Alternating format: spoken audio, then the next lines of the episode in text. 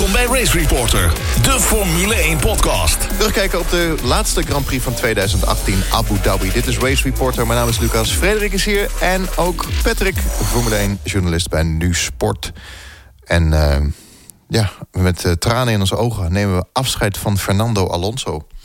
En Kimi Räikkönen bij uh, Ferrari. Hij is al aan het rijden bij Sauber, gaan we het zo meteen over hebben. Eerst de nieuwtjes uit de pitstraat. Ja, uh, normaal doen we dat altijd alleen voor de Grand Prix natuurlijk. Maar er is uh, gisteren maandag zoveel gebeurd dat we het toch even moeten uh, behandelen. Allereerst was daar opeens de bevestiging van Toro Rosso. Alexander Albon, Albon werd eerder op de dag vrijgelaten door, door Nissan. Maar gaat nu, toch de, ja, gaat nu dus bij Toro Rosso rijden. Frederik, jij zei vrijdag nog over Tictum. Dat hij toch, dat je, je had een vermoeden dat, dat Toro Rosso er alles aan zou doen om hem binnen te halen. Wat ik ook helemaal niet gek vond. Want het is nu toch alweer raar dat ze nog een jongen naast Fiat hè, van buiten de opleiding halen. Ja, ik geloof dat ik jullie uh, bier schuldig ben, jongens. Ja, ja, ik, ja, ja. Uh, ik, ik, heb er iets opgezet. Ja, nee, um, ja, de beste kunnen het mis hebben ook. Ik was uh, er heilig van overtuigd dat de grote dokter Helmut Marco... echt een soort reddingsplan had om Daniel Tictum... zo snel mogelijk naar de richting de Formule 1 te krijgen. Tictum aan. Ja, nou ja... Wat slecht.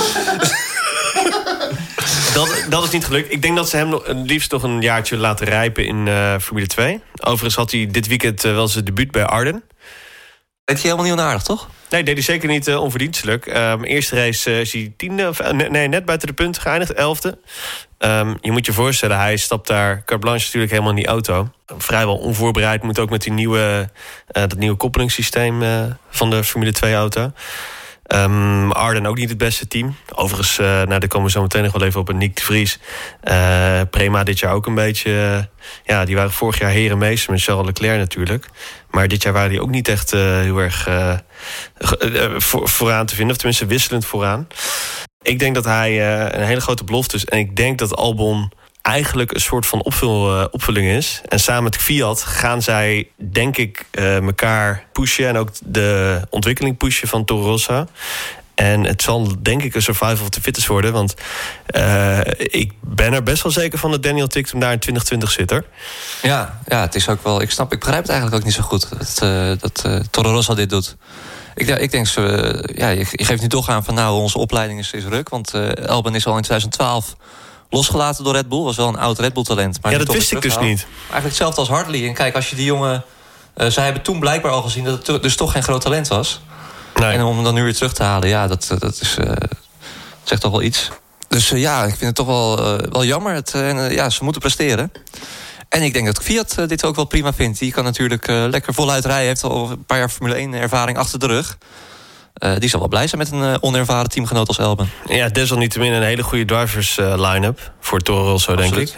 Albon zeker geen pannenkoek. Derde geëindigd het kampioenschap. Overigens ook een goede ondernemende coureur. Want hij heeft zichzelf echt daar met een soort wildcard binnen die Formule 2 teruggebokst. Ja.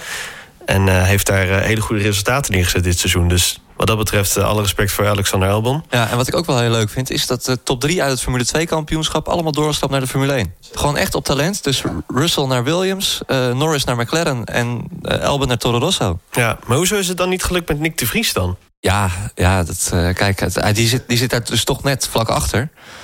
eindigt als vierde, hè. op zich helemaal geen verkeerd seizoen. Rijdt wel voor uh, Prema, wat natuurlijk absoluut een, een topteam was. Leclerc vorig jaar in die auto. Dit jaar veel problemen met die auto toch wel, hè? Ja. Uh, krijgen die, die, die vernieuwde startprocedure krijgen ze moeilijk onder controle. Ook de elektronica hebben ze wel wat problemen mee gehad. Uh, wat ik vind van Nick de Vries, hij is gewoon te wisselvallig om echt Formule 1 materiaal te zijn op dit moment. Um, je ziet vaak, hij kan zich heel snel kwalificeren. Uh, vaak bovenaan, maar dan zakt hij toch wel, wel weer terug. Weet uh, die banden minder te managen dan een Albon, dan een Russell. Russell is veel meer berekenend. Hè? Um, ik denk dat we ook van uh, Lando Norris iets meer hadden verwacht dit seizoen. Ja. Grote belofte. Ik denk wel dat hij zich een beetje gaat ontpoppen bij McLaren. Hoor. Ik denk dat ze daar geen zorgen over hoeven te maken. Nee. Nou, het, is, het is wel gewoon een goede trend. Hè? De drie snelste coureurs uit de opstapklasse van de Formule 1... daadwerkelijk naar de Formule 1. Ik denk ook dat we echt een, we hebben echt een waanzinnige grid volgend jaar. Ja. Gewoon qua, als je kijkt naar hoeveel... De paydrivers worden een beetje uitgewerkt. Uh, Ericsson gaat weg. We hebben natuurlijk nog wel Lance Stroll... Uh, die bij Force India rijdt. Die daar nu al uh, voor aan het testen is. Wat trouwens het slechtste... verhaal is van het afgelopen seizoen... dat die man dat er zo geheimzinnig over wordt gedaan? Nou, ik, ik heb daar een theorie over. Oh, leuk. Komt-ie. Nou ja, ik denk dat ze uh, Lance Stroll uh, gaan bekendmaken. Uh, tegelijk met de hele nieuwe naamsverandering van Force Oh, dat zou heel goed kunnen, Ik ja. denk dat ze daar één groot persmomentje van gaan maken. Dat zal ook niet heel lang meer Ik denk duren. ergens voor de kerst. Ja. Nog wel. Uh, hoe gaat het heten, het team? Stroll F1. Ja, uh, Strolovic heet die man eigenlijk. hè? Strolovic. Hij is, uh, ja. Uh, ik heb geen idee. Vast Oké. een of andere naam uit, uit de hoed wordt getoverd. Maar ik, ben, ik weet niet zeker of die BWT-sponsoring er volgend jaar nog op staat. Ik denk dat ze met een heel nieuwe titelsponsor ook komen. Dan van, kwam deze week maandag geloof ik het grote nieuws op de kalender voor 2020. Uh, Zandvoort. Ja, we, dus... ja, provisioneel. Hè? Dus nog niet, helemaal niet zeker. Maar uh, Telegraaf uh, kwam met die berichtgeving, ja, geloof ik. Formule1.nl, uh, tijdschrift, geschreven door André Venema, is een ervaren journalist, die ook absoluut geen onzin opschrijft. En dit is wel heel serieus, dat, dat, dat, dat, dat in ieder geval de Grand Prix van Nederland op de kalender staat voor 2020. Met Zandvoort als nummer 1 circuit en Assen als backup. Dus dat het sowieso gaat, in ieder geval gaat lukken. Wat ik een beetje begreep uit die berichtgeving is dat kwam op mij over dat meedoen is belangrijker dan uh, waar de Grand Prix uh, specifiek plaatsvindt. Dat, dat begreep ik er een beetje uit. Assen heeft al, zou al met heel kleine aanpassingen een Grade One uh, licentie kunnen krijgen van de FIA. Zandvoort zou, dat zou iets meer voet in de aarde hebben. Los van het financiële verhaal natuurlijk. Denk je dat voor de FOM het allerbelangrijkste is dat, dat die Grand Prix van Nederland er komt met alle natuurlijk gezien de Max Verstappen fans en alles wat hier leeft. Ja, nou, ik had eigenlijk wel verwacht dat het, uh, ja, dat het dan toch wel Zandvoort zou worden. Je kan daar vanuit een helikopter kan je zo naar Zandvoort vliegen als het ware. Je hebt het strand wat eraan ligt, levert waanzinnige shots op. En ik geloof ook echt wel dat ze heel blij zijn met die Nederlandse fans. Dat die toch wel heel belangrijk zijn geweest. Ook als je weer kijkt naar Abu Dhabi, waar ze dan... Uh, ja, toch weer uh, tribunes oranje kleuren. Je ziet ze overal. En dat willen die Amerikanen natuurlijk zien. Hè? Gewoon een positiviteit rondom de Formule 1. Ja, en ze, ze noemen het ook uh, Amsterdam Beach. Ja, dat hadden we wel gezien. Ja, klopt. Ja. Maar ja, ik, ik denk... FOM zou zichzelf wel een beetje de vingers snijden... als ze per se een Nederlandse race, kost wat het kost, willen hebben in 2020. Stel dat het Zandvoort uh, zou lukken om zijn Grand Prix... Op te zetten, dan stel dat dat met 2021, 2022... denk je dat dan de kans verkeken is? Is het zoiets van, het is nu of nooit voor jullie Nederland? Of hoe ziet FOM dat? Ja, weet ik niet. Ja, kijk, als, als, het, als, het echt, als het echt zo concreet is... dan, dan moeten ze ook wel flink aan de bak. Uh, zeker Zandvoort. En wat ook zo is het, is, het gaat natuurlijk niet over één jaar. En voor Assen is het al van... ja, die hebben natuurlijk al een groot evenement, ja. uh, MotoGP. Ja. Uh, gaat dat nog iets doen voor hun geluidsdagen die ze hebben? Nee, volgens mij hebben ze helemaal geen geluidsdagen. Daar hebben ze geen probleem nee, ligt mee. in the middle of nowhere. Daar in Drenthe boeit niemand dat. Nee, die vinden het alleen maar leuk. Het zijn allemaal aardige mensen daar zo. die hebben geen lastige, terug aan de kust... Uh, vreselijke zeurmensen die... Uh, en jij, jij woont in de buurt van uh, Zandvoort, toch? Jullie allebei, toch? Ja. Oké, okay, precies. Okay. en, uh, maar Zandvoort is gewoon... dat circuit is onderdeel van die omgeving. Daar moeten we met z'n allen hartstikke trots op zijn. Ja, daar wordt er weer een padje gevonden. Of dat is weer uniek. Ik vraag me alleen even één ding af. Um, waarom nu ineens wel? Zandvoort dat heeft met Max te maken dan, toch? Kampioen, Absoluut, willen natuurlijk zonder dat kampioen. Ja, maar als je dan kijkt naar uh, een Vettel... Hockenheim, Duitsland, valt dan af. Maar Vettel kan ook kampioen worden. Maar Vettel leeft niet in Duitsland. Nee, nee. Het is echt uh, ja. een heel andere orde dan uh, Schumacher. Uh, de Duitsers die zijn afgehaakt met Formule 1 toen Schumacher stopte. Ja. Na zijn Ferrari-tijd. Ja. En dat is heel gek. Die hebben, Vettel hebben ze nooit omarmd. Ze hebben Rosberg nooit omarmd. Die werd altijd gezien als een Scandinaviër. Wat eigenlijk ook zo ja, klopt. wel een beetje zo is. En ja, het, het, het leeft daar gewoon een stuk minder. Door de Schumacher-tijdperk natuurlijk. Uh, denk het ook. Nou, Eccleston deed ook nog even een duit in het zakje. Dat hij zei dat Vettel uh, geen, geen waardige vervanger is van Schumacher. Dat hij het gewoon niet heeft. Ja, maar en Lewis, ik bedoel, Silverstone zat ook op, op de tocht. Snap je? De, vandaar mijn vraag. Het, ja. Ze willen belang kampioen circuit, maar... Ja, Lewis is, is natuurlijk niet per, per, definitie een Brit. Dat is een superster. Een, ja, ja. Uh, die is groter dan, dan Groot-Brittannië. Max is echt een Nederlander. Die, roept, die haalt Nederlandse fans naar de circuit. Oranje mensen. Een hele nieuwe Formule 1-groep is, daarmee, is daarmee bereikt. Ja. Ja, ik ben, ben heel benieuwd. We gaan het volgen. Overigens, om terug te komen op die Britse Grand Prix... ik denk dat dat vooral een kwestie is van... Uh, die proberen echt uh, de boel uit te melken van FOM. Uh, die promotor die moet er gewoon met flink veel geld over de bal komen. Dus dat is gewoon een geldkwestie, maar dat gaat wel rondkomen. Want ik zie niet in waar ze het elders willen houden in, in, op dit moment in Groot-Brittannië. Paar, we hebben het al eerder over gehad, een paar hele fraaie banen... maar allemaal geen Grade One licentie, dus dat is gewoon hopeloos. Ja. Ik moet wel eerlijk bekennen dat al die verhalen, dat lijkt nu toch wel echt steeds concreter te worden, hè, die Grand Prix in Nederland dat het toch zo ver gekomen is. Joh. Dat is toch ongelooflijk. Dat hadden we toch niet. Het is nog steeds niet officieel. Hè? En natuurlijk moet er nog een hele hoop gebeuren. Ik moet ook nog zien of dat gaat lukken. Ja, ik durf er ook niks op te zetten. Nee, maar als, als, als ze echt op de, op, de, op de voorlopige Formule 1 kalender staat, dan kunnen ze ook niet meer terug dan moet er echt wat gebeuren. En uh, dan gaat het ook wel rollen. Ja, het is ongelooflijk. Ik verwijs u graag naar onze special over, uh, die we hebben gehad op het circuit. Uh, over Zandvoort. Daar bespreken we dit allemaal. Te vinden natuurlijk op Spotify en de Apple podcast app. Race Reporter, de Formule 1 podcast.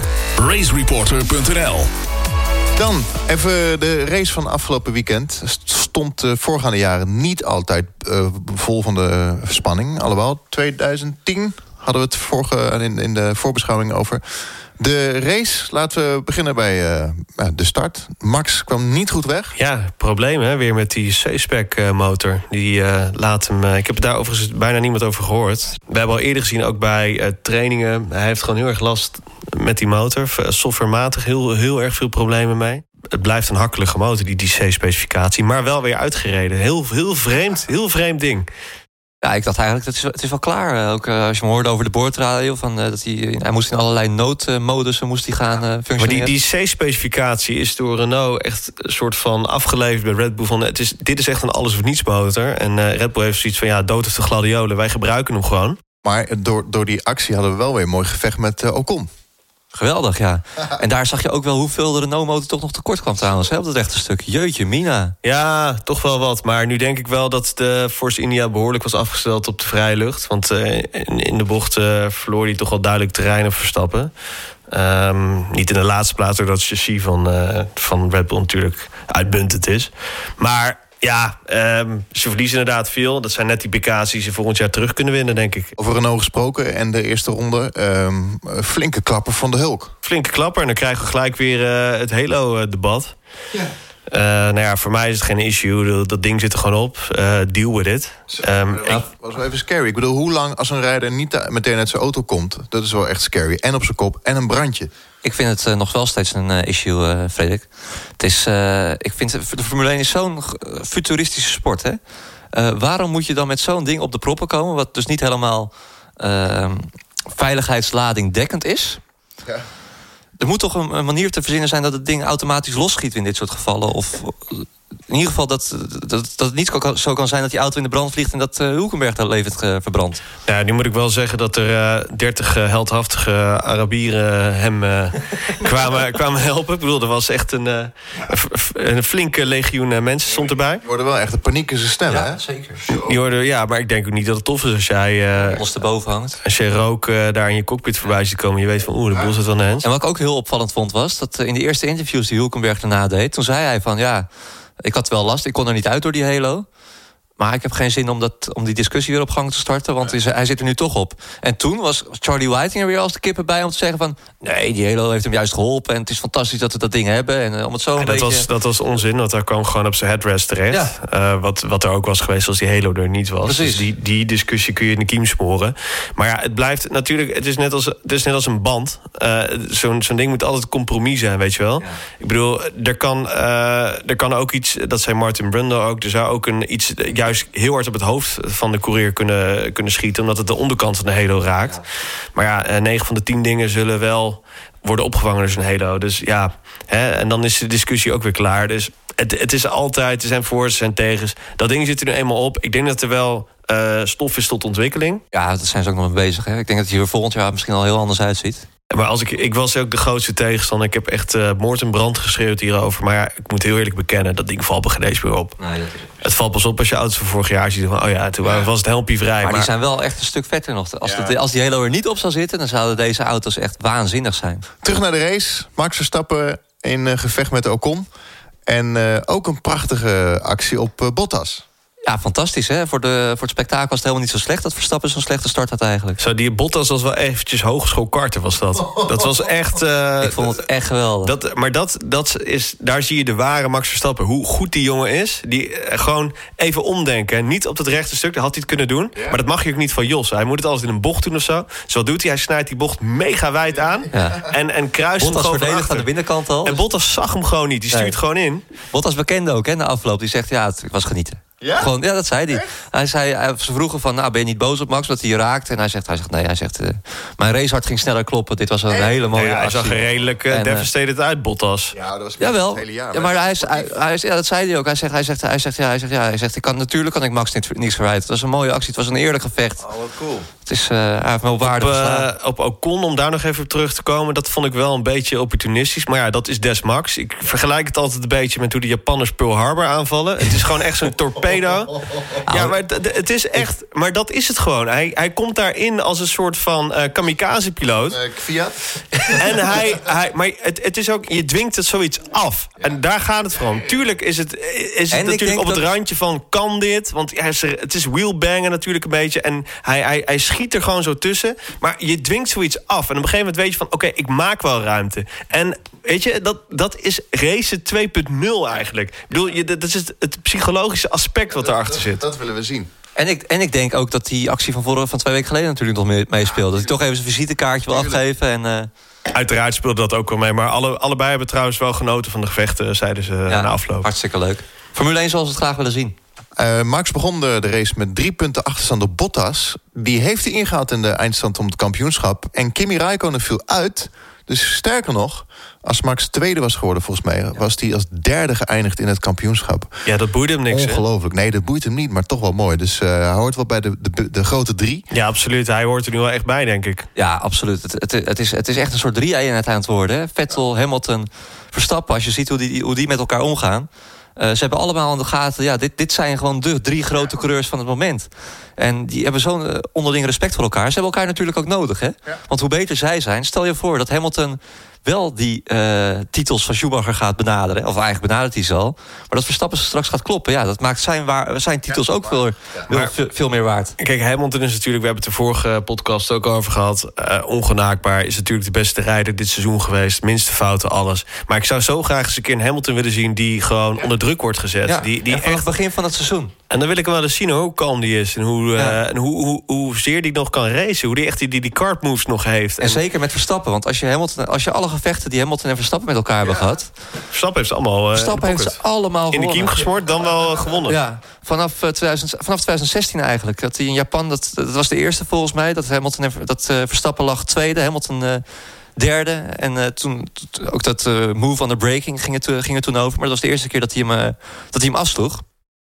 En hij heeft, sindsdien heeft hij alles gewonnen. En Hamilton kon altijd zeggen van ja, ik vecht voor de titel... en ik hoef geen risico te nemen tegen Verstappen. Maar het zou zo gaaf zijn als volgend jaar... vanaf begin af aan al voor de titel knokken. Ja, ik hoorde bij een eh, andere podcast... eh, waarin eh, iemand hier aan tafel ook meedoet... hoorde ik iemand, iemand zeggen dat, dat, dat Hamilton helemaal niet in het kopje probeert te komen van Verstappen. Maar dat denk ik wel.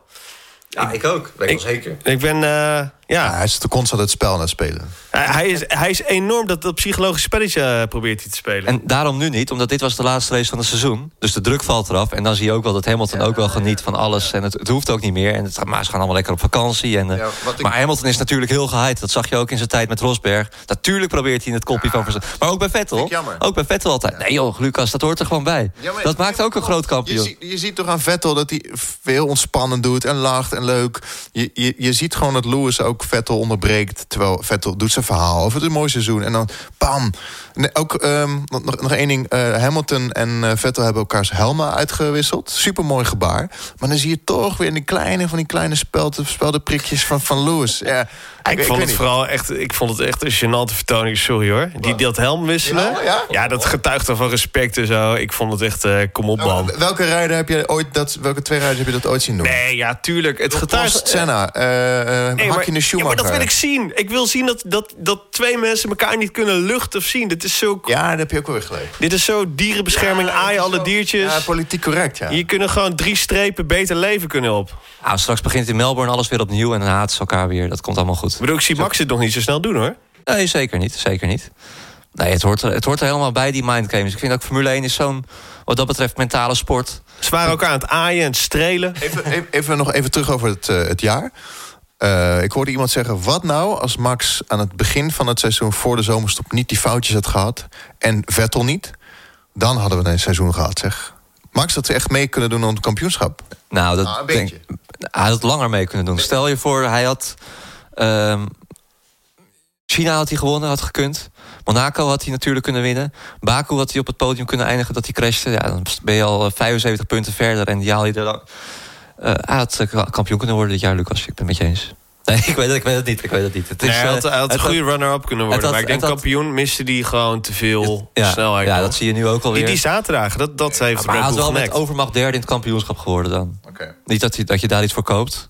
Maar ja, het, het- maar ik vind dit eigenlijk ook wel weer mooi. Ja, gewoon dat, dit maakt het dus ook die, juist die, dat het in het begin van het seizoen zo misging. En dat hij zoveel kritiek heeft gehad. Want echt, een- ik heb nog. eh, ik, ik, ik heb, ik, Twitter, ik heb een paar keer voor Max opgenomen in die tijd. En ik heb echt Twitter-mensen achter me aan gehad die, eh, die zeiden... hij moet teruggezet worden naar Toro Rosso. en ben je nou voor Dat- chauvinist? Dat, dat en, heb ik eh, vaker gehoord, ja. en die mensen die staan nu het hardste te juichen. Ja, ja, ja. Echt, ik zweer het je. Ik heb ze allemaal genoteerd. Die komen allemaal nog een keer aan de beurt. daarna. Heel goed. Ja, Patrick, ik zie Patrick inderdaad zijn eh, notitieblokje nu even openslaan. Die is er allemaal aan De het doorlezen. blacklist. Ik, eh, beware. eh, Patrick Moeken komt achter jullie aan. Ja, absoluut, absoluut. Kijk maar, naar. Maar in elk geval eh, over Max. Ja, eh, heel goed seizoen. Heeft het laten liggen. Maar ik denk wel zijn beste seizoen tot nu toe heeft hij gedraaid. Misschien niet in heroïsche races. Zeker direct, zijn beste tweede seizoenshelft van het seizoen. Waar die, ja, de jaren waar die heroïsche race had, zoals Brazilië en met Spanje natuurlijk, die overwinning in 2016, dat waren zijn beste races. Maar daar had hij niet het overal heel lekker seizoen. En nu is het, komt het allemaal wel op zijn plek. Wat vond je de mooiste race van Max dit jaar? Austin. Ja, Austin, Texas. Ik, Baku toch? Dat gevecht met Daniel, ik vond het vond ik fantastisch. Ja, was het, hele- was, het hele was goede wel- P2 bij mij. Dat is een hele, ja, hele goede P2. Overigens, Het gaat mij niet om het resultaat, om ook aan, aan te geven. Ja, nee, maar heel goed. Nou, We hebben sowieso hebben we echt een palet races voorgeschoten gekregen waar je u tegen zegt. Ik vond dit dit jaar. echt qua Grand Prix... We komen- we gaan nog uitgebreid terugblikken op dit jaar... maar qua Grand Prix was dit misschien wel het beste Formule 1 seizoen dat ik ooit gezien heb. Ja. Het krijgt voor mij wel een 8. Ja, een 9. 8,5. Op Twitter ge- Ja, het enige Ja. wat ik jammer vind is dat de titelstrijd niet langer duurde. Als dat ook nog langer had geduurd tot de laatste race. Maar qua Grand Prix, los als je kijkt naar alles wat er omheen qua- Kwalitatief hoogstaande races. Zoveel goede Grand Prix gezien. Ondanks bandensparen, alles. Ik ben het niet met je eens. Want eh, er was, ik heb een tweet gezien van iemand die zei... normaal gesproken hadden we hoeveel, 16, 18 races per jaar. Was het al lang beslist. We hebben nu zoveel races. Het is, het is al later dan normaal bes- beslist. Hoe bedoel je? Wat, Het, het kampioenschap is heel laat beslist. Nee, maar ik bedoel gewoon, ja. Maar is, is, staat dat, staat dat het symbool? Moet, tuurlijk, een go- een goed kampioenschap is leuk. Maar vaak ga je toch naar die Grand Prix kijken met het idee van ik wil een leuke Grand Prix zien. Als jij het hele seizoen door Vettel wint, Hamilton wint, stuivertje wisselen, stuiver- stuivertje wisselen. Maar je hebt, het zijn saaie Grand Prix. Ja, dat is waar. Dan heb ik liever dat een, dat een titelstrijd iets, iets eerder is afgelopen. Dan dat je de hele, het hele jaar naar saaie Grand Ik, Prix zit te ik vond het wel lekker hoor. Dat we gewoon allemaal rode tifosi alleen maar vooraan hebben gezien in het begin. En daarna pas Mercedes een beetje op stoom kwam. Volgens Ja. mij Hamilton heeft zijn eerste overwinning pas gepakt in. Baku? Of Bak- nee, nee, ja, China? Baku. Ba- nee, Baku. Baku, Baku. ja, China de was vierde het, ja, race ja. van het seizoen. Ja, Ja, op, kijk, dit was natuurlijk wel een seizoen dat in de laatste race beslist had moeten worden. Als je de verhoudingen van het, op het, he- van het hele jaar hebt gezien. ja dit had echt eh, een kaskraker moeten worden Ja. op het eind. En eh, nou, het was overduidelijk dat het dat niet was. Het was allemaal een beetje aaien en strelen Ja. en lief doen. En... maar- maar goed, prima. eh, dat hoort er ook bij. Hè? Afscheid van een aantal. Onder andere Fernando Alonso. Ja, ik vond hem eh, cool. Ja, hij was cool. Hij was er zelf een beetje ongemakkelijk bij, had ik het idee. Ja, dat- ja. Dat Ja, maar dat zou natuurlijk- ik ook zijn. Ik, is- vond, ik werd er ook een beetje gek van die overdaad aan. eh, natuurlijk heel mooi gebaar dat ze hem in, in het zonnetje zetten. Tuurlijk geweldig, maar het was wel een beetje eh, poeh. Hij heeft natuurlijk al heel lang ja. niet, niet gewonnen. En Helden moet je ook- eren. Ja, en laten we wel wezen, Alonso is qua race snelheid... Hij is ook, hij is, ik wil niet zeggen groter dan de sport... maar hij is wel iemand Ja, maar ik had het graag wat ook- meer willen zien. Ja, maar hij is ook iemand die niet... eh, als mensen die geen Formule 1 kijken... die weten wel wie Fernando Alonso is. Uiteraard, uiteraard. Hij, nou, hij, was, hij kon een vuist maken tegen Michael Schumacher. Daar hebben we Ja. het vorige podcast over gehad. Maar toch had ik het meer willen zien om, om eh, in, in vergelijking met het heroïsche... eh, zeg maar, hoe, hoe hij werd gezegevierd van oh, Alonso held als een soort god. En hij is natuurlijk ook waanzinnig goed. Versta me niet verkeerd, maar het is de man die, die, waar ik het nooit ja, echt heb doordrongen gevoeld van dat hij, dat, dat hij zo'n onuitwisbare indruk heeft achtergelaten. En dat is een Senna wel. Dat is een Hamilton, ondanks dat Hamilton... Extra's, dat extraatje. Hamilton heeft nooit echt tegenstand gehad en rijdt natuurlijk heel constant. Maar Hamilton heeft wel iets, iets, iets heldhaftigs toch. En ik heb van hem heb ik dat gewoon... Ik vind hem geweldig, eh, heel goed talent. Maar ik voel het gewoon niet. Misschien ook door de jaren Honda. Eh, dat, McLaren was gewoon overduidelijk de foute keuze waar hij heen is gegaan. Ja, zijn seizoen is als een, of als in uh, lo- Formule 1 loopbaan is als een, als een nachtkaars uitgegaan. Hè? En veel controverse ook. eh, Spygate, Crashgate. Oh, ik neem het toch voor hem op. Hallo, eh, het is, ik moet er altijd om lachen. Ook die, die, die, die boordradio's en hoe die het doet. En, en ja, op social ook hoe die is. Ik vind het een fantastische... Ja, ik vond het vooral een beetje egoïstisch ook weer, die boordradio. Ik heb 1800 punten gast. eh. Ja, Wat moet dat ene punt nou nog? Maar en is- heeft hij, daarna heeft hij nog drie, eh, drie bochten afgesneden. Ze wilden hem eigenlijk een zwarte vlag geven. Ja, Serieus? Ja, dat hebben ze niet gedaan. 15 seconden uiteindelijk, toch? Uiteindelijk maar drie keer vijf seconden straf. Ja. Maar ehm, ja, het is, ik vind het eigenlijk wel jammer ook dat Alonso... Het, tuurlijk, het is grappig, alleen het, het, het, is, het is niet... ehm, hoe zeg je dat? Het staat niet eh, gelijk aan de coureur Alonso, al die grappige dingen. Dat hij daardoor juist... Hij wordt nu eh, een beetje herinnerd door die gek, die, die, die gek Alonso... die op- in een stoeltje zit in Brazilië, die, eh, met memes en weet ik het allemaal... Het, het doet geen recht aan de coureur Fernando Alonso. Ben ik. Dat het nu als een soort grappenmaker... dat hij als een grappenmaker te boek komt te staan. Want ja, daar, daar hebben we... Daar kan een, een, een willekeurige Saubercoureur kan ook zo te boek komen te staan. Guido van der Garde. Ja, Johnny Herbert. Ja. Maar dat, we- dat wil je Marcus. Nee, Eriksen is in alles opzicht een hele vervelende man. Nou, het is een lieve jongen. Even over Alonso. Hij had zelf gezegd... zijn mooiste overwinning vond hij Valencia. ja, ik denk homeground. Nou, vind ik toch raar eigenlijk. Ja, ik ook. Zit geen hond op de tribune daar? Nee. Maar hij zei, En- zei, we, we hadden geen goede dag, de auto was niet goed... maar we deden die race alles perfect en we wonnen. Dus ja, maar voor hem is dat heel anders dan voor het publiek dus blijkbaar. Ik had eerder zijn laatste Ferrari-zege in eh, Barcelona verwacht. precies. Met echt eh, honderdduizend gekke Spanjolen op de tribune, allemaal in het blauw. Van, Was dat, eh, was dat die start met die, dat hij die Red Bulls inhaalde? Ik heb nog nooit zo'n mooie start gezien. Hij start derde, geloof ik. En dan zie je hem aan het stuurtje trekken. 2011, hè? Geloof ik. De, de, de Red Bulls waren eh, oppermachtig. Maar die Alonso met zijn stuurtje, ik zou zeggen, check het op eh, YouTube. Fantastische start. Dat is voor mij de beste herinnering aan Alonso. Ja, geweldig. Het is jammer, het is jammer toch dat, dat het zo is gelopen, hè? Aan de afloop. Over Ferrari gesproken. Afscheid van Kimi bij Ferrari. Hij gaat naar Sauber. Ik zie zojuist de eerste beelden binnenrollen van Kimmy die aan het testen is. Wat een gaaf helmdesign heeft hij, zeg. Ja? Het is echt een soort ijspegel. Helemaal een beetje wit, zilver, grijze helm. Is toch, zondag was de, de laatste race. Hoe, hoe, hoe gaat dat dan? Ga- gaat hij naar, levert hij zijn sleutel in bij Ferrari? Hoe, ik- ik- je zit nu, hij zit nu al bij de Sauber. Hoe gaat dat? Wow. Ja, ik, denk, ik denk dat hij. Ja, ik denk dat hij zich er niet zo druk om maakt hoor. Eh, Hij kreeg eh, nog allemaal applaus. Kreeg hij van zijn monteurs. En eh ja, Kimi maakt zich niet zo druk joh. Ik denk dat hij het al lekker vond dat hij gewoon daar in die contraien kon blijven om te testen. Dat vindt hij wel prima. En ja, hij vindt het wel prima.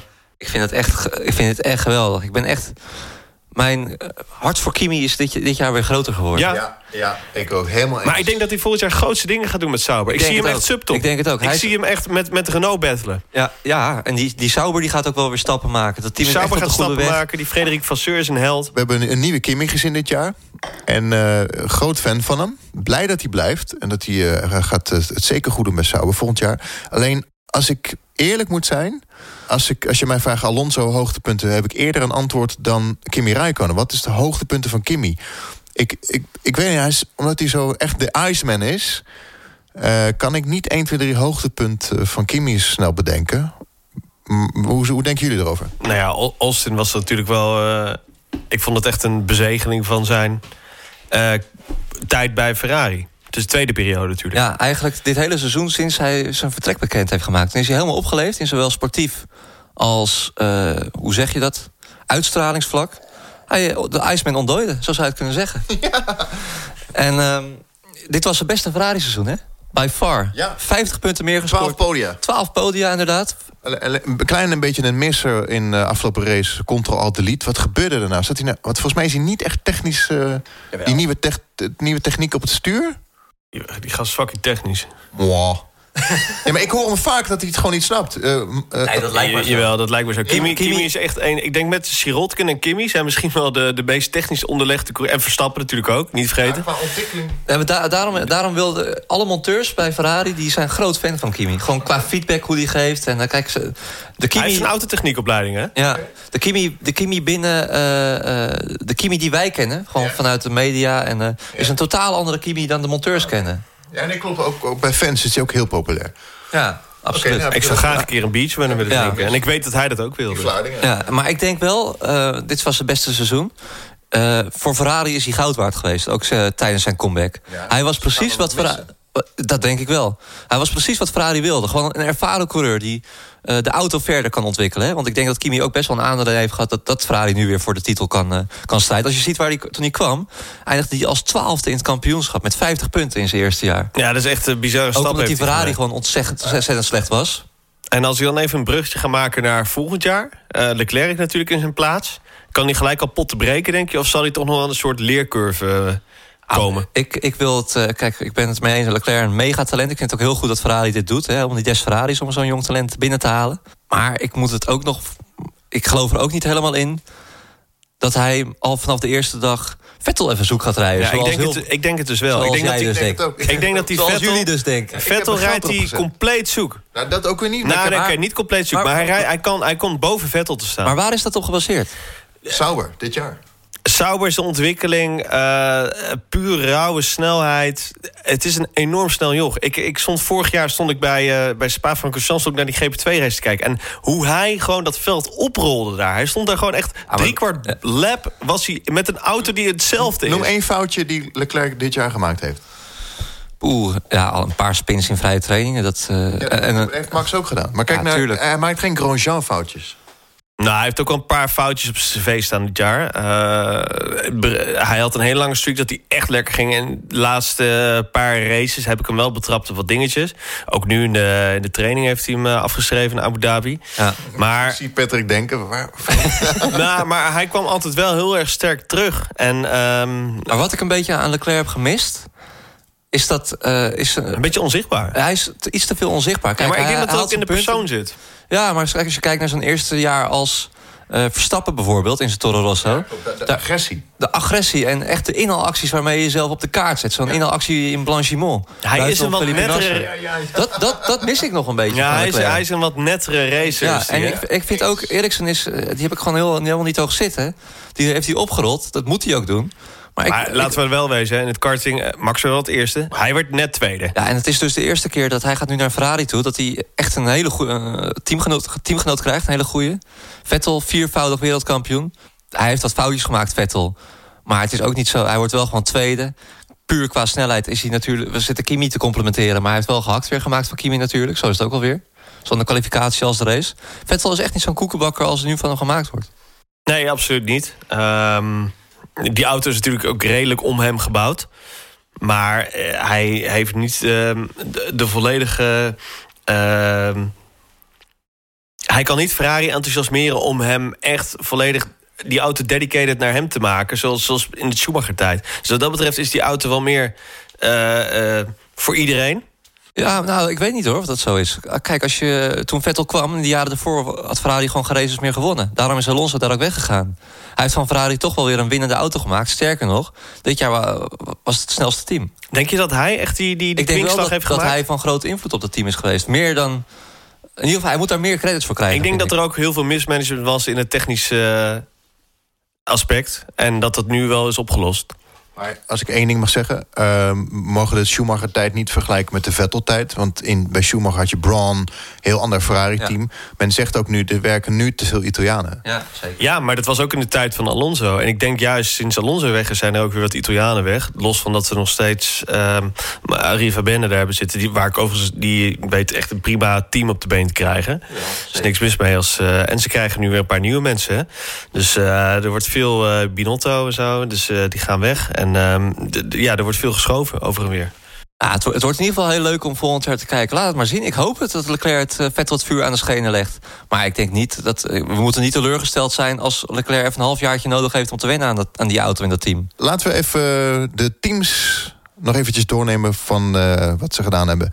Natuurlijk in Abu Dhabi en het afgelopen jaar. We beginnen bij Williams. Troosteloos laatste met zeven punten. Het slechtste jaar uit de Williams-historie. Ja. Uh, waar, waar is het misgegaan dan voor Williams? Nou, ik denk al in het begin van het seizoen... bij de aankondiging dat ze Sirotkin en, uh, en Stroll hebben genomen. Twee jonge honden, weinig ervaring ik denk, ja, zeker als zo'n team slecht gaat... dan heb je er gewoon baat bij om een ervaren rot erbij te zetten. Of ervaren rot, in ieder geval een eindtwintiger... met meerdere Formule 1 jaar ervaring uh, in de rugzak. En Sirotkin hebben ze, zouden ze dan ook... Uh, A, voor de pegels, maar B, ook voor de ontwikkeling. Is technisch best wel onderlegd. Ja, dat zeiden ze, maar iemand die nog nooit in een Formule 1-auto heeft gereden... kan toch niet zoveel technische ontwikkeling hebben? Dat, dat ik denk, ja, kan er bij mij niet in. Maar als we kijken naar die documentaire, Frederik, die hebben we samen gekeken. Williams was toen ook bijna failliet. Uh, als, we nou, als ze dat nou herhalen, gewoon weer dat rebelse... Ik, ik heb het idee dat ze niet durven. Ja, maar dat is, het, het, het waren andere tijden. Uh, we leven in een periode waarin... Uh, de fabrieksteams toch wel overheersen. Ja. Mercedes veel geld. Red Bull eigenlijk een unicum dat zo'n uh, privéteam gewoon heel erg goed draait. Ja, zeker. Het is ook, het is ook jammer. Ik denk iedere Formule 1-fan die hoopt gewoon dat Williams het goed doet... qua historie en qua uh, beleving van het team. In de jaren dat ze het goed deden... hadden ze altijd een grote uh, um, fabrieksmotor aan zich gekoppeld. Dan wel ja. een Renault, dan wel een BMW, dan wel Honda die tijden zijn gewoon voorbij. Ik bedoel, in de tijden dat ze met Supertech reden... en veredelde Renault-motoren... waren ze ook helemaal nergens te vinden. Chrome was het ook nog, geloof ik. Okay, stel, jij bent morgen... Uh, ben jij, krijg jij het, het, het, het stoeltje en jij, jij, mag het doen. Wat, wat zou je doen? Nou ja, um, op zich... Um, wat ze het beste kunnen doen... dat zegt Olaf Mol al een tijdje... Uh, ze zouden best gewoon de hele, hele stal van Mercedes leeg kunnen kopen. Uh, alles wat je kan kopen, een mag kopen. van Mercedes worden. Ja, eigenlijk een beetje het concept wat Haas heeft. Dat is helemaal niet zo verkeerd in hun geval. Um, om maar even een voorbeeld te geven. Wat zij bijvoorbeeld hebben, hun versnellingsbak... is het bijvoorbeeld nog steeds gemaakt van, van, van staal. Waar iedereen, elk ander team gebruikt titanium. Zij gebruiken gewoon oldschool staal. Dus, de, om even aan te geven hoe star ze ook zijn in hun ontwikkeling. He? Ze hadden bijvoorbeeld bij, uh, vanaf Singapore... hadden ze pas door wat er misging met de correlatie... Uh, met de windtunnel en hoe ze op het circuit uh, de aerodynamica viel, zeg maar. Dat, dat kregen ze heel laat pas door. Ze zijn heel star in, in ontwikkeling. Waar, waar ligt dat dan aan?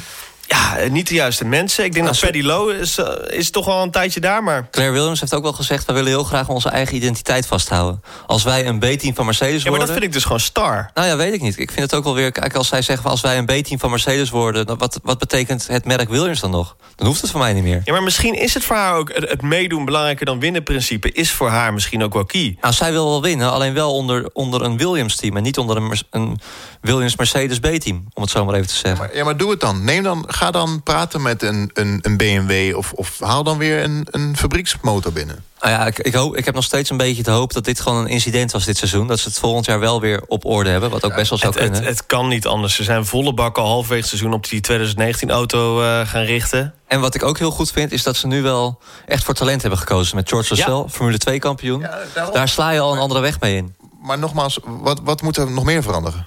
Een andere motor, fabrieksmotor? Nee, ik denk dat ze Mercedes heeft een heel goed pakket op zich. Maar. Ze hebben de juiste mensen in huis. Paddy Lowe, hè? Uh, Frank Williams is natuurlijk een, een Formule 1-grootheid. Dat, dat team moet weer op de rit komen. Dat hoop ik ook. En ik denk dat iedere Heel veel slechter dan het was, kan dat niet. En uh, nou, speaking of which, McLaren uh, dan de afgelopen seizoen. Dat is natuurlijk ook echt dramatisch. Ik zag Ted's notebook, heb ik gekeken. Ted was echt gewoon beduust. Ja, die, was die echt, uit, hè? Die werd helemaal emotioneel, ja. werd hij er bijna ja. over. Die ging echt stem verheffen en was echt boos op McLaren... dat ze zo'n waardeloos seizoen hadden gedraaid. Ja, hoe heet het? Uh, Boulier het veld geruimd. Hoe heet hij? Gos heeft het veld geruimd. Ja. allemaal slachtoffer geworden, niet van zichzelf. Want die kunnen er niet zoveel aan doen dat die auto gewoon niet functioneert. Maar ja, iemand moet, iemand moet opgeofferd worden. Nee. En ze hebben geen Honda meer die ze de schuld kunnen geven. Ik ze ben toch geen fan ook van onze Amerikaanse vriend Zack Brown... die ook zijn prioriteiten over de plas heeft best wel. Nou, het lijkt, het, precies wat je zegt. Het, het lijkt wel alsof de Formule 1 geen prioriteit meer heeft van McLaren. Maar even feiten, het slechtste seizoen Williams ooit... het slechtste seizoen McLaren ooit. Wat is er aan de hand? Ja, troosteloos. Hè? Um, de Stoffel van Doornen gaf ook al aan... na zijn laatste race, even van de paddock af in Abu Dhabi... gaf hij aan al van... Um, nou ja, er is gewoon een heel smerig politiek spelletje gespeeld. Uh, wel leuk om te zien was dat ik Stoffel echt een beetje... zijn GP2-route zag ik terugkomen in de afgelopen Hij was verschrikkelijk goed afgelopen race. Inhaalmanoeuvres die echt, uh, nou ja, Max Verstappen-achtig waren. Ja, hartstikke leuk. Ik hoop ook echt dat Van, uh, van Doorn terugkomt. Jammer dat ik het voor het eerst dit seizoen zag. Ja, ja. Ja, die gaat, ik hoop, wat hebben we het ook wel vaker over gehad. Ik hoop dat hij nog een boekje open gaat doen over wat hem allemaal is overkomen. Ja, ik maak me meer zorgen over McLaren dan over Williams. Zal ik je dat vertellen? Ja? Ja, ja absoluut. Ik, ik zie niet in hoe McLaren volgend jaar um, kan doorstoten naar de, naar de subtop. Nee, maar zij hebben natuurlijk ook de fout gemaakt... door uh, Honda zo erg af te branden, met Renault in zee te gaan. Ja. Ik denk dat ze het nu gewoon moeten uitzingen tot 2021... totdat die uh, regelgeving weer omhoog gaat. Of met Renault is toch wel pijnlijk duidelijk geworden... dat een chassis echt het manco is. Uh, ongelooflijk. Het is echt verschrikkelijk eigenlijk. ja, jammer. Het, het, is trouwens niet het allerslechtste seizoen van uh, McLaren ooit. Het voelt misschien wel zo, maar ze hebben best nog wel een aardige uh, eerste seizoen zelf gedraaid.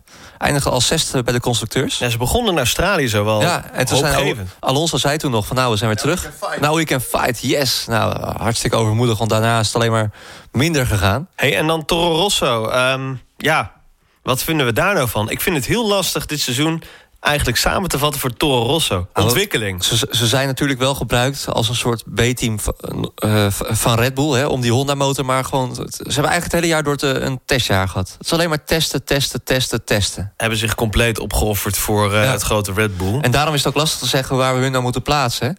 Wat ik wel opvallend vond... Uh, Toyoharu Tanabe, de grote. Ja, ik ga het niet nog een keer zeggen. Maar uh, dat is de grote man achter het uh, Honda-project uh, in de Formule 1. Die heeft meteen na Abu Dhabi ook geroepen van... jongens, uh, leuk, al het enthousiasme, hè, ook zeker bij Red Bull... want die hebben toch wel aardig wat veer in hun reet gekregen. Maar als wij volgend jaar met de koplovers mee willen doen... valt er nog een hele hoop te winnen voor ons. Ja, ik zag ik inderdaad uh, dat die, die, we zagen die olie uit uh, die auto van Gasly uh, sprayen... Ja, ja, op het vizier van Max Verstappen. Gasly heeft op vrijdag, zaterdag en zondag motorproblemen gehad. ja. ja hoe heet het? Zijn we, een collega van mij zei dat heel, uh, heel pakkend. Ze zijn natuurlijk aan het testen bij, bij, bij Toro Rosso en Honda. Maar ze zijn ook nog zoekende. Ze zijn ook nog zoekende. Maar iets hoeft niet per se gerelateerd te zijn aan die motor aan zich. Het kan ook uh, de, de cohesie zijn tussen motor en chassis. Dat dat niet helemaal lekker loopt. Hè. Ook al koelingsdingen heeft men ook al wel aangegeven. Het zou het kunnen zijn. Uh, ik geloof dat ze echt on merit zijn, zoals de Engels het zeggen... met de ontwikkeling voor het uh, 2019 uh, pakket. Ik hoop het. En het wordt heel interessant om te zien tijdens de testdagen. Die moeten gewoon kilometers maken. Van, van de ochtends 9 tot s avonds 6 kilometers maken, kilometers maken, ervaring opdoen. Dat gaat heel belangrijk zijn. Als, we bij, als ze dat doen bij die testdagen, dan geloof ik erin dat ze echt mee kunnen doen. Ja, maar heel eerlijk, hè, bij Renault was het dit jaar, bij Red Bull was het vooral softwarematig en zo waren er heel veel problemen. Accuproblemen, allemaal gekke elektronische storingen. Eh, heb ik liever dat je gewoon meedoet voor de pegels en dan gewoon uitvalt. Dat zijn Max Verstappen ook. Dan gewoon met een, met een bang eruit gaat. Ja. Dan, dan zo. Ja, ik weet niet of dat helemaal zo is. Want we hebben Max ook al vaak gezien dat... Uh, dat hij in een kansrijke positie uitviel... en dat hij ook uh, woedend is. Ik en, heb ook wel het idee dat ze een, een uh, winstgevender pakket hebben... dan, dan het Renault-pakket. Ik hoop het, maar ik, ja, we, moeten, we moeten het echt nog even afwachten. Uh, Haas, wat was jouw bevinding daarover? Afgelopen Grand Prix. Uh, ik moet eerlijk aangeven, Romain Grosjean heeft zich goed gerevanceerd, tweede seizoenshelft. Ja, hij heeft, hij heeft Magnussen verslagen in de kwalificatie best wel flink uh, verslagen, ja. ja. Toch wel. Een beetje de zeikert hebben we weggezet, de eerste seizoen zelf. Als je ziet waar ik ook Grosjean... Het is een beetje vergelijkbaar met Verstappen in mindere mate weliswaar. Maar Grosjean, een hele matige eerste seizoen zelf. Heeft zich knap gerevanceerd, ja. staande gehouden. En echt wel de snelle coureur gebleken. Ja, ja, ja, denk het wel. Vond ik wel. Maar hij race wel een beetje lafjes, vind ik altijd. Ja, ja. Het is, hij laat een beetje open deuren. Een beetje net zoals Bottas. Echt, uh, ze missen soms de, de, de kartlijnen. Jammer. Eindigde als vijfde in het uh, constructeurskampioenschap. Vind ik toch wel knap. Ja. Voor zo'n relatief jong team. Hey, Force India? Ja, het nieuwe Force India eindigt als zevende gewoon. Hè? Ja, we hebben er twee hè, dit jaar. Ja, twee. Ja, Racing uh, Point, Point Racing, Force India, Point Racing. En de oude Force India. Ja, uh, Sergio Perez, uh, achtste geworden, laatste Grand Prix. En Esteban Ocon is uitgevallen. Ik ben heel erg benieuwd. Er zit natuurlijk wel geld bij dat team. Als er een keer een kans komt om echt aansluiting te vinden bij de topteams, mag ik dat zo zeggen? Ja, dan is het wel nu. Een subtop. Ik hoop dat ze met Renault kunnen duelleren volgend jaar. Ja. Ik denk dat daar wel. Ja, zij zullen wel een stap moeten maken, Renault. Vond ik dit jaar nog te, te teleurstellend trouwens, Renault. Wat, wat vond jij ervan? Ik ja, had er meer van verwacht. Goed bruggetje, wel vierde in het kampioenschap. Ja, vaak ook wel teruggezakt in de races naar het middenveld. Als je ziet hoeveel geld daar in dat team wordt gestoken... dat is natuurlijk al lang bij Red Bull. Moet het, Red Bull zet bij iedere, iedere, iedere, Grand Prix Renault op een rondje. Maar geld speelt, is, is nooit uh, garantie. Kijk maar naar BAR. Nee, maar vaak Toyota. toch wel. Vaak wordt wel het rijkste team kampioen. Nou, kijk naar Toyota. Zeker in, de laatste, zeker in de laatste jaren. Toyota heeft een miljard euro down the drain eh, gegooid met het hele Formule 1 project. Dramatisch. Eén podium, geloof ik. Hebben we het wel eens eerder over gehad. Er staat er nog steeds een windtunnel daar in Keulen te verstoffen. Dus eh, nee, als, als, dat, als dat de maatstaf is, dat geld dat de boventoon moet voeren. Ik vind wel, dat prijskwaliteit gezien, prijskwaliteit gezien hebben zij, voeren zij een goede show op. Ja, maar als je gewoon de, alle budgetten van de teams naast elkaar legt... dan eh, bijna de, identiek aan de uitslag van het constructeurskampioenschap. Ik- Zeker nu. Zij moeten volgend jaar stappen maken. Ja. Sauber is mijn eh heldenteam van dit jaar. Echt geweldig. Als je ziet waar die vandaan gekomen zijn... Wederopstanding. Wederopstanding. Met waar Leclerc denk ik wel echt een hele belangrijke bijdrage aan heeft geleverd. Want als je zo'n jonge hond in een auto zet... ja, dat team bloeit op, hè? Dat, eh, dat, dat, dat motiveert ook weer de mensen die daar werken... om bam, volle bak aan de bak eh, te gaan. Zelfs Marcus Ericsson bloeide best wel mee. Dit Ik seizoen. hou altijd van zo'n underdog-team. Ja, absoluut. Vasseur heeft daar compleet eh, de boel eh, nou ja, op de schop eh, gegooid. Wat we nog hadden van Kaltenborn-tijdperk... is wel een beetje door het putje gespoeld. En er is daar gewoon een frisse windwater. Iedereen zegt het ook, hè? Goede sfeer. Eh, er heerst daar een bepaalde positieve vibe. Je voelt dat daar een opwaartse stroming is daar Ja. in Sauber. Ja, wat, wat je ook wel zag, Pascal Wehrlein hè, zat er natuurlijk vorig jaar. Die is nu wel een beetje afgedankt ook. Want die heeft geen gehakt gemaakt van Ericsson. Wat, wat Leclerc nu dus wel Had ik wel graag naast Leclerc willen zien, Pascal Weerlaan eigenlijk. Ja, maar die heeft toch zijn kans in 2017 wel een beetje... Dat was wel een iets slechtere auto, denk ik ook. Wat is dat toch? Je hoort vaak verhalen van zijn cocky karakter. of zo, Ja, dat eh. heeft... Ja, schijnt te Dat zijn. Ik heb er zelf, nou ja, nooit, ik, ik ken Nee, hem niet, maar... inderdaad, mensen die daar vaak komen in de paddock. Dat, eh, ja, maar een heel goed seizoen van Sauber. Achtste in het kampioenschap. Ja, fantastisch. Dan naar de top 3, Red Bull. Red Bull, Red Bull Racing. Keurig seizoen, toch? Al met al, die auto is waanzinnig. Echt waanzinnig. Als je ziet... eh, ook, ook weer waar zij vandaan komen. Die auto steeg echt boven zichzelf uit. Ze zijn natuurlijk een beetje wat iets slomer begonnen. Niet zo slecht als de seizoenstart van 2017. Nee. Ze zaten er al dichterbij in Australië, maar zijn echt dichtbij gekomen. Ja. En eh, hebben wel wat van de hegemonie van Mercedes afgesnoept. En weer een mega eendagsslag gemaakt, hè? Ja. Vorig jaar zag je dat wat minder. Dit jaar echt, echt ze zitten ze op de hielen. Maar zij konden zo, ondanks het tekort aan motorvermogen... en daar moet ik Renault ook wel... ze hebben wel stappen gemaakt, de Renault nog Ja. steeds wel. Want Verstappen, Ricciardo had veel pech. Maar Verstappen is niet meer uitgevallen. Verstappen is niet... Sinds de zomerstop sinds ik. de zomers ook niet echt meer uitgevallen. Nee. Nou, gewoon niet meer. Nee. Max vorig jaar had, heeft Ricciardo nu. Ja, dat kan gewoon gebeuren. Dat is een streak. En hij is vierde gefinished, eh, Ricciardo. Wat dat betreft het nog prima gedaan. Maar Max Verstappen is eh, volgens mij op Hamilton na de meeste punten, hè, tweede seizoen zelf. Ja. Eh, ja alleen Hamilton had meer punten dan. Verstappen. Ja, fantastisch. ja, echt heel erg goed gedaan. Verstappen is twee keer 50 geworden in na de zomerstop. De rest van de races heeft hij allemaal op het podium gestaan. Ja, het schijnt dat ze qua ontwikkeling ook best wel ver zijn al voor die 2019 auto's. Dat is vaak onderbelicht, want volgend jaar zijn er best wel wat reglementswijzigingen. Ehm, aerodynamisch gezien. Eh, Red Bull zou er heel goed voor staan. De, de resultaten te windtunnel lees ik zo links en rechts journalisten op Twitter. Zouden echt eh, bemoedigend zijn. Ja, daar wil ik nog wel een kleine slag om de arm mee houden. Want ik weet ook nog dat we begin van 2017 al die grote regels, regelwijzigingen hadden. Hè? Eh, toen zou Red Bull ook opeens het snelste team worden. Vanwege Adrian Newey. En dat viel toch behoorlijk tegen. Maar vooral wat maas in de wet zouden ze gevonden hebben. Ehm, diffuser zouden ze weer wat tijd hebben gevonden. Ah, ik wil het graag afwachten tot de, tot de wintertest. Dus, eh, ik, ik ga me niet meer... eh, ik geloof... Ik, ja, ik, nee, ik denk dat er nog weinig zin in Wat hebben we zin in die wintertest, hè? Verdomme nou. Gluwijn erbij, we gaan er gewoon zitten. Circuit de Catalunya, Ja, heerlijk. We gaan erheen, hè? Ja. Maar dat allemaal eh, voor later. De nummer 2, Ferrari. Ja, komen uiteindelijk 75 punten tekort op, eh, op Mercedes... om de constructeurstitel te pakken. Ehm, het beste seizoen van Ferrari sinds in de afgelopen 10 jaar. Je vergeet het bijna. Ja. Maar ze hebben toch wel weer eh, een winnende auto. Ferrari begon ontzettend goed. maar sinds die, dat, dat VIA heeft gelekt van die tweede, sen of Ja. tweede sensor hebben geplaatst om dingen te meten, Ja. is daar iets veranderd. Die motor is nog steeds wel. Ze hebben echt behoorlijk veel stappen maken ze. Kwalificatie zie je. Ik zag dat staatje hè, van Hamilton eh, versus eh, Vettel in Abu Dhabi. Ongelooflijk hoe Vettel inloopt op de straights. En dan zeggen ze van ja, eh, Mercedes kan natuurlijk ook wat meer downforce zetten. Onzin. Die, die Ferrari loopt echt ontzettend goed. Maar er is daar wel iets veranderd. Er, er mist ze een dan? boost of zo. Maar wat hadden ze dan? Olie? Ja, er werd gesuggereerd dat... Uh, het had een knopje op zijn stuur ook, toch? Zei ja, nou, dat, dat, die verhalen zijn afgezwakt. Er werd gesuggereerd door de, de technische insiders van... Nou ja, ze hadden ook heel veel... Dat, dat ze die camera afdekten met zo'n doekje ja, eroverheen. Ja, ze zijn natuurlijk altijd al een beetje zo. Van het afdekken en het beschermen. Maar er werd gesuggereerd dat ze een soort van olie... ook extra in konden spuiten in de verbrandingskamers. Dat er een paar... de verbrandingsmotor alleen al een paar pk extra opleverde. Maar doet Mercedes dat niet stiekem ook? Ja, eh, luister, er wordt heel veel stiekem gedaan. Uh, ik bedoel, iedereen, iedereen is ook aan het sjoemelen met diesels in de auto-industrie... en dat wordt ook nog niet opgemerkt. Dus ja, alleen Volkswagen is gepakt. Maar ja. tuurlijk, iedereen probeert die wetloop mee te doen. Iedereen zoekt de mazen van de wet op. Maar ja, uh, ik denk dat zij zijn denk ik toch wel van op het matje geroepen... van hé hey jongens, even dimmen. En het tweede seizoen zelf waren ze er. Natuurlijk ook door wat foutjes van Vettel, maar ze zaten er minder bij. Ja. Ja, Mercedes, hè, laatste team. De verdiende wereldkampioen, denk ik toch. Vooral die constructeurstitel binnengehaald door Hamilton, echt niet door Bottas. Nee.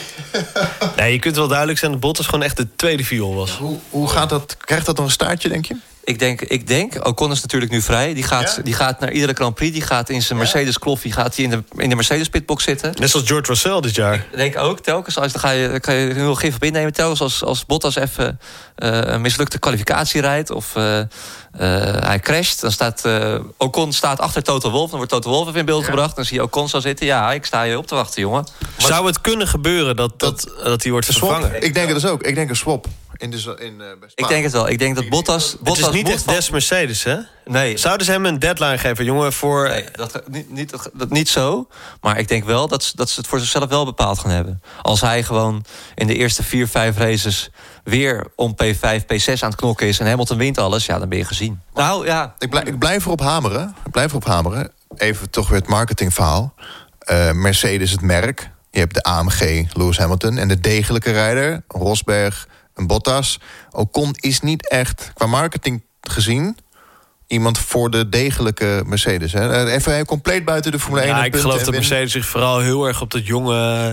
juist heel erg wil verjongen. Ook met de modellengamma. Ja, jawel. Ze proberen heel erg te verjongen. Echt, die, die hele oude sleur, zoals je het vroeger zag... Die, die proberen ze echt een beetje vanaf te komen. Nou, ik denk eigenlijk ook dat ze spijt hebben dat Bottas... dat ze die zo vroeg uh, verlengd hebben omdat, en dat denk uh, ik ook, kwam, ze moesten. Nou ja, het kwam, het kwam op gang door Ricciardo. Hè. Ricciardo die zou naar Renault gaan. Ja. Um, of althans, die zou, naar, die zou gewoon doorgaan bij Red Bull. Ging opeens naar Renault. Daardoor kon Ocon niet naar Renault. Want die had eigenlijk al een, een voorcontract getekend. Oh. Ocon, die, ik gooi bijna een uh, glas om. Uh, Ocon die zou eigenlijk al naar Renault gaan. Maar omdat Ricciardo erheen ging, kwam hij opeens zonder stoeltje te zitten. Ja. En toen had Mercedes Bottas al bevestigd. En, en... daarom, hoe, hoe, hoe, gaat de kerst eruit zien bij Mercedes? Want hij, Max heeft hem ingehaald in het kampioenschap. Maar ik denk, eh, Bottas heeft Mercedes veel punten gekost. Ja. Ik denk vooral dat hij in Finland even... Vorige, vorige podcast ook geld, gewoon geld. Gewoon, het is gewoon geld, ja, maar absoluut. Het is gewoon, luister, dit, dit zijn gewoon bedrijven die racen. En die moeten gewoon een omzet binnen, binnenharken. Plus dat het best gênant is dat als jij de snelste auto bouwt op Abu Dhabi... Uh, dat Bottas dan wordt ingehaald door beide Red Bulls... Uh, achter de Ferraris eindigt, ja. Terugkijken in de geschiedenis, uh, qua teamgenoten... Lewis Rosberg was een goede combo. Mm -hmm. Schumacher Rosberg dit is misschien wel de slechtste combo eh, van Mercedes. Ja, ja. Je, zou, ja je zou ook verwachten dat Bottas uh, vorig jaar drie Grand Prix heeft. Best wel aardig, niet helemaal niveau, maar best wel aardig. Dat hij zich doorontwikkelt. En hij is eigenlijk alleen maar bergafwaarts gegaan. Maar is dat ook niet een mentale tik? Want dat zei hij. Dit Absoluut. is mentaal heel zwaar. Absoluut. hij, hij, zat daar helemaal doorheen met, uh, in het vierkantje. Ja. Uh, hij, hij, kon gewoon niet onder woorden brengen hoe hij zich voelt. En ik denk dat hij echt zijn, zijn sores moet overdenken. Maar, maar, dan kan je ook zeggen, ja, met de schuld van Mercedes. Omdat ze hem als tweede rijder hebben. Ja, maar dan moet je mee dealen. Ja. Ja, maar de, dan hadden ze. Da, daarom vond ik het ook zo'n heel laf verhaal van uh, Toto Wolf met die Ocon. Niks. Ja, jammer dat je geen stoeltje hebt, vriend. Maar uh, jouw coach heeft je niet geplaatst ergens. Dan had hij maar voor jou moeten kiezen. Nog steeds denk ik dat ze. Nou ja, het zal er volgend jaar om gaan. Ik denk dat ze Russell misschien gewoon door, Russell door gaan schuiven naar Mercedes. Zou ook kunnen, als hij het heel goed doet in die eerste. Ocon ja, waarom? Tussentijds wel Ocon, denk ik. Tenzij ja, Russell het heel goed doet. Zij zullen de data close uh, benaderen, denk ja. ik hoor. Maar het is natuurlijk wel makkelijker om Ocon die vrij is om, daar, om die daar neer te zetten. Ik, ik denk niet dat Mercedes dat durft. Ze zijn heel degelijk. Ik, ik, denk ook, ik denk dat het ook vooral afhangt van de, van de auto. Ja, Russell is ook wel degelijk. Als nee, maar ik bedoel, onder zo'n swap halverwege het seizoen... van iemand van een ander team halverwege het seizoen... Ja, nee, dat zie ik ook niet halverwege het seizoen gebeuren hoor. Maar ehm, oké, ja, dan ook kon Misschien dat ze bij Williams ook wel... Een, eh, dat lijkt me ook niet gek. Williams, dat, dat ze daar wel een clausule voor in hun contract hebben. Dat zij, dat zij best wel Russell hebben genomen... dat ze niet willen dat hij tussendoor naar Mercedes wordt gehaald. Conclusie is gewoon, Hamilton moet meer tegenstand krijgen, denk ik, toch? Ja, ja. Oké. Mooi. Ja, en toen was het stil, jongens. Het seizoen is voorbij. Zo, ik moest er ook even van bij komen. Vandaar, daar, vandaar ook de reden dat we pas nu eh, opnemen dit. Wat, wat gaan we doen? Gaan we oude races terugkijken? Gaan we op de, op de spelcomputer races... Wat gaan we doen? Wat gaan, jongens, wat gaan we doen? Het spel Grand Prix 4 ga ik opstarten. dat was zo'n topgame. F4 van eh, Micro Prose. Yes, zo. Eigen liveries, alles. Patrick, wat ga jij doen? Ja, ik weet het niet. Ik eh, val echt in een zwart gat. Ik ben wel blij dat het om ach- ach- 18 februari alweer begint. Hè? Is de kortste winterstop eh, in lange tijd, wat dat betreft. Oh, dat Jongens, even het, eh, een cijfertje. Bordjes omhoog. 2018 seizoen. Zal ik hem aftrappen? Ja, ik, ik geef hem echt een 9. Ja, echt? Dit is een van de beste Formule 1 seizoenen die ik ooit gezien heb. Oh. Nou, ik, ik vond het een heel erg goed seizoen, maar ik ben toch kritisch, want het kan altijd nog wel beter. Ik heb toch wel, ik had meer wisselende weersvoorspellingen. v- v- Ja, eh, dat ben ik met je eens. Maar we hebben, we hebben eigenlijk... ik, voor mij We krijgt het een 8. Maar wat ik wel heb gezien, dat de saaiere baan dit jaar wel de leukere races hadden. Ja, Eh, Paul Ricard.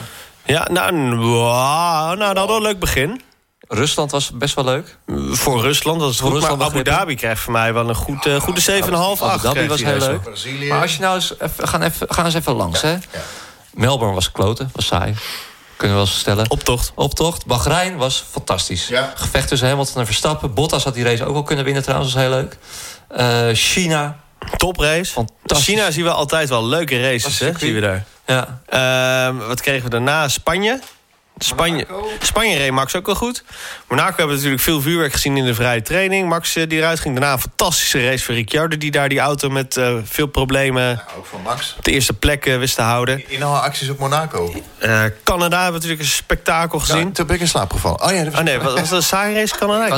Ik st- startcrash met Hartley. Daarna viel het inderdaad een beetje tegen. Eh, we zijn Azerbeidzjan nog vergeten. Zo, Fantastisch. Azerbeidzjan, de baan die echt het eerste jaar gedoemd werd. Ah, hier Ja. komen echt alleen maar boutraces. Maar we hebben echt al twee toffe jaren op rij Ja, daar. ja, ja, ja. Fantastisch. Da- daarom zie ik dus Vietnam zie ik dus best wel positief tegemoet. Ja. Omdat het zo'n soort baan is. Ik denk ook dat het eerste jaar in, eh, in Baku, dat was een incident. Want ook in die GP2 en GP3 races dat jaar, die waren ook al geweldig. Maar dat Toen rechte stuk, dat boeit dus helemaal geen ster. Want dat binnenbaantje is zo'n leuk klein kartbaantje... Ja. dat het eigenlijk gewoon... eh, ja, dat maakt hem wel- je hele leuke races. Ja. Nou, Frankrijk was weer terug. Was, was, was niet, niet vervelend, was aardig. Leuk, gemiddeld, Ja, denk ik. ik kreeg alleen een beetje epileptische aanvallen van al die eh, kleuren daar. Ja, ja, maar ja, eh, ja, voor de rest, ja, ehm, eh, niet zo slecht als dat men deed vermoeden. Nee. Iedereen zei van, ah, we wachten niet echt op Frankrijk. De race was nog best oké. Ja. Toen kwam Oostenrijk, wat fantastisch was. Toprace. Ja, ja, ja. Een van de Toprace. leukste races van dit jaar. Niet alleen omdat Max vond, maar ook met die Mercedes. eh, Ja. gebeurde er weer zo ontzettend veel. Engeland, fantastisch. Waar we gewoon tot drie rondes voor het einde... eh, alle Mercedes en Ferrari-coureurs hebben rijden... Ja. die nog allemaal kunnen winnen. Dat Ja. je gewoon totaal geen idee hebt wie er, wie er kan winnen. Geweldig, ja. Fenomenaal. Ehm, eh, Oostenrijk, of Oostenrijk, sorry, Duitsland. Duitsland, ja, Duitsland. fantastisch. Vettel, Die Vettel, in Vettel in het grind. Ja. Ja, slaan op zijn stuur, alles. Zo, dat was wel even Hamilton een, eh, van P14 naar P1 rijdt. een omslag. Even eens tussendoor over de Grand Prix van Duitsland. Die beelden van de regiekamer zijn online. Dat was ook eh De director's cut. Of, eh, oh nee, van, eh, van de regie zelf. Ja. Ongelooflijk. Over eh, de cameraposities op het moment dat eh, Vettel eh, de grindbak ingaat. Maar dat even terzijde. Ja.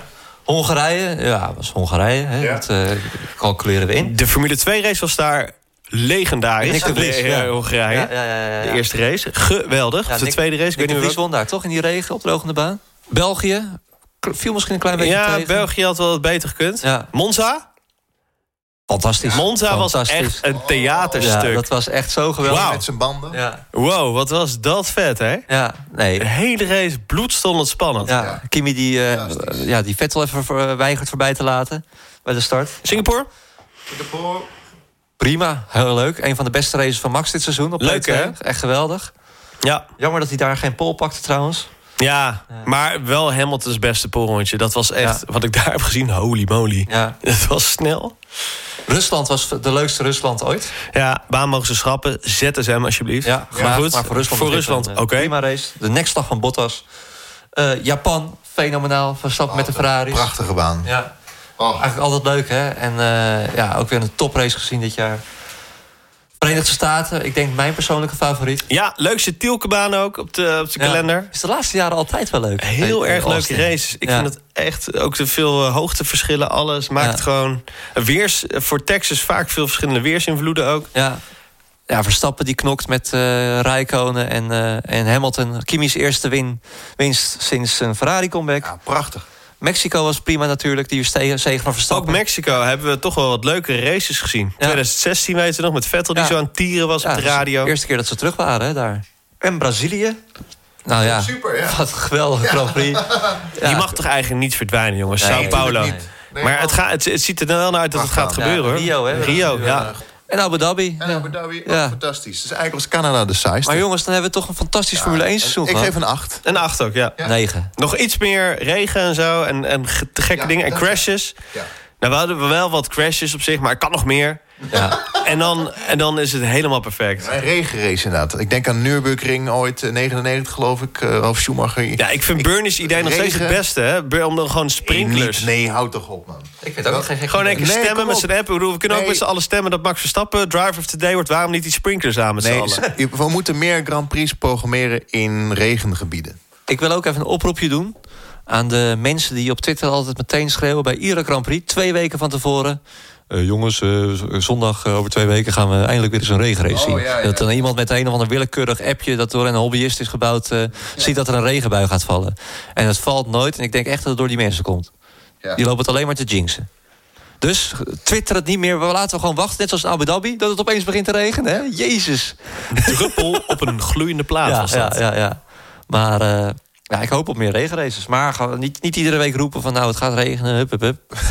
We maken er een extra lange podcast van, want we willen het maar niet loslaten. Maar we moeten er echt een eind aan breiden. Ja, maar we gaan nog een keer het hele seizoen reviewen. We gaan de hele winter door. We gaan de hele winter door, ja. We gaan de hele Er winter komen een aantal specials aan.